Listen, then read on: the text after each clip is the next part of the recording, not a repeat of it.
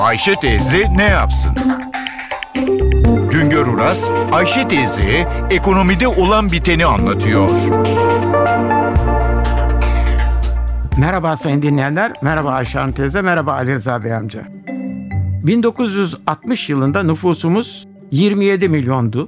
Nüfusun %67'si kırsal kesimde yaşıyordu. Nüfusun %32'sinin yaşadığı kentlerin nüfusu ise sadece 9 milyon dolayındaydı. Şimdilerde Türkiye'nin nüfusu 77 milyon oldu. Nüfusun %77'si kentlerde, %23'ü kırsal kesimde yaşıyor.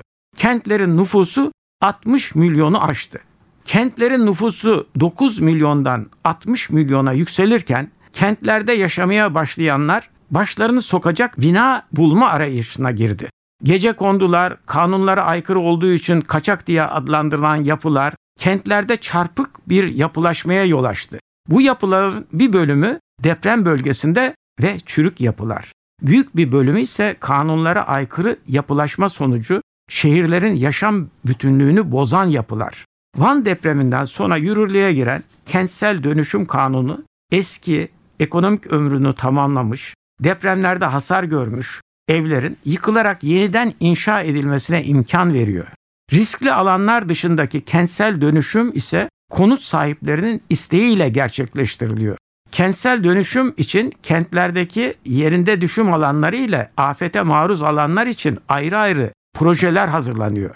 Kentsel dönüşüm projelerinde sorun dönüşüme giren konutlarda eskiden yaşayanların dönüşümden sonra nerelerde yaşayacakları noktasında düğümleniyor. Bu sorunun hem ekonomik hem de sosyal yönü var. Ekonomik yönü eski konut alanlarında önemli büyüklükte imar rantlarının ortaya çıkması. Sosyal yönü ise dönüşüm alanlarında yaşayanların yaşam alanlarını terk etmek zorunda kalmaları. Sorunun temelinde dönüşüm bölgelerinde yaşayanların dönüşüm ile inşa edilen yeni konutlarda yaşama şanslarına sahip olup olamayacakları. Olması gereken dönüşüm sonucu bölgede yaşayanların tekrar o bölgede yaşamlarını sürdürmesidir. Ama bu çok kere mümkün olamıyor.